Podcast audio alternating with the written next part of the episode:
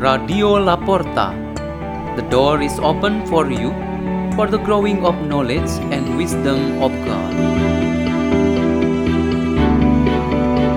Delivered by postulant Anastasia Jelagat and postulant Deborah Mongina from the Formation House of PRR Sisters in Nairobi, Kenya, East Africa.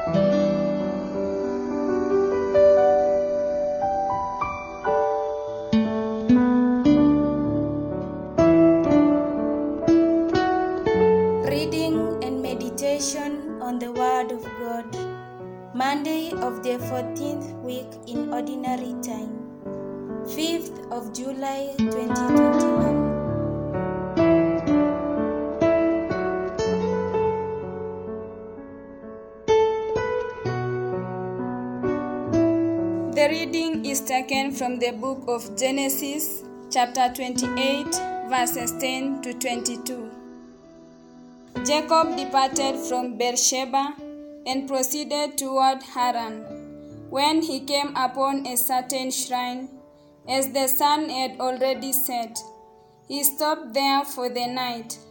Taking one of the stones at the shrine, he put it under his head and lay down to sleep at that spot. Then he had a dream.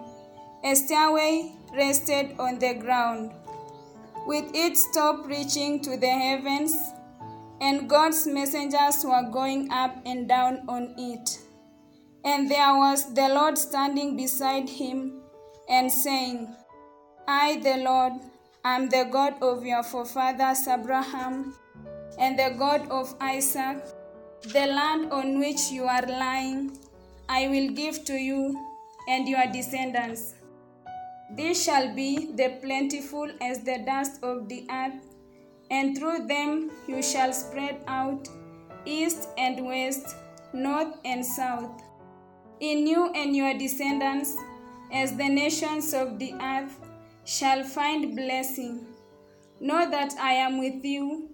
I will protect you wherever you go and bring you back to this land. I will never leave you until I have done what I promised you.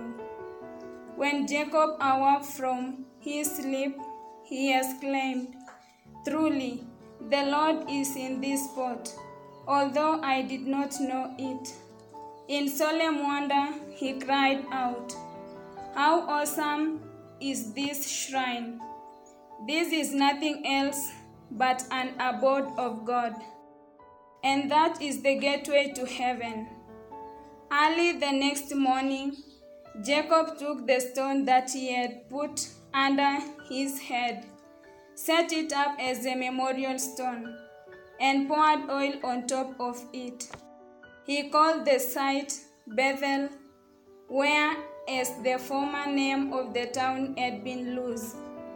Jacob then made this vow If God remained with me to protect me on this journey I am making, and to give me enough bread to eat and clothing to wear, and I come back safe to my father's house, the Lord shall be my God. This stone that I have set up as a memorial stone shall be God's abode. The word of the Lord.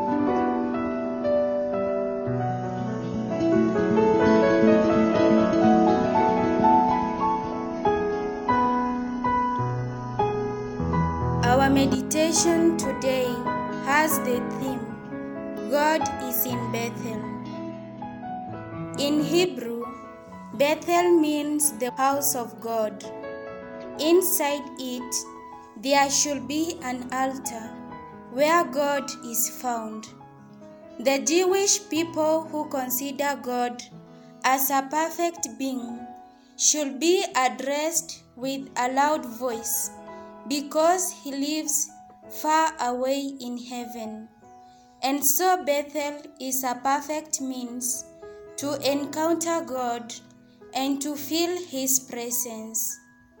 The story of how a Bethel was made, among others, was like the one made by Jacob. On a long journey, he stopped at a place of worship of the gods of the pagans. He was so tired and decided to sleep there. In this sleep, he met God in a dream, who gave him a vision. He then took the stone on which he rested his head, made it a covenant stone, poured oil on it, and named it Bethel. What a simple way of making a house of the Lord. The construction of the house of God in this manner was obviously different from what people today make chapels, churches, cathedrals, or other types of the houses of worship. The making of Bethel, that signifies a place for God to dwell according to his divine will and in a personal way, has the same meaning with the teaching of Scripture and Christian spirituality, which say that each person, or rather each human conscience, is truly the house of God. And so, when a person was looking for God and he said he couldn't find him, it's actually a very ambiguous and a funny thing. He was looking for the real God who was actually dwelling in Bethel, the house of God, which is his own conscience.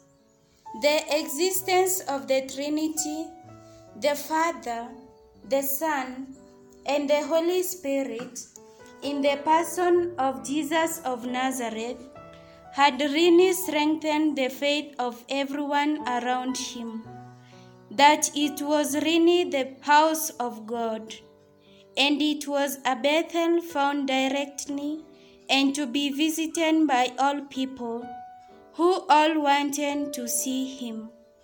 It was shown by a public official who came to that Bethel. He came to talk with the Lord and asked him to bring his dying daughter to life again. God actually dwells in the Bethel of every one of us today. God is there in our simple prayer when we wake up in the morning until we again pray in His name as we go to sleep in the night.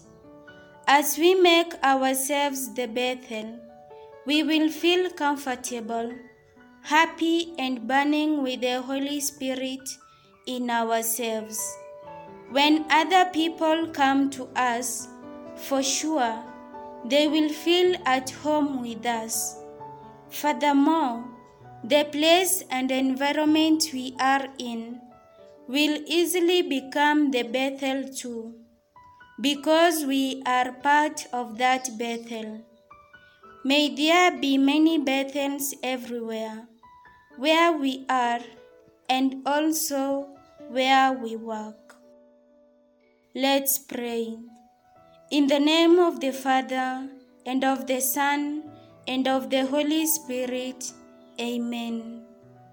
Almighty God, we thank you for you choose to dwell in our hearts, so that they become our holy temples.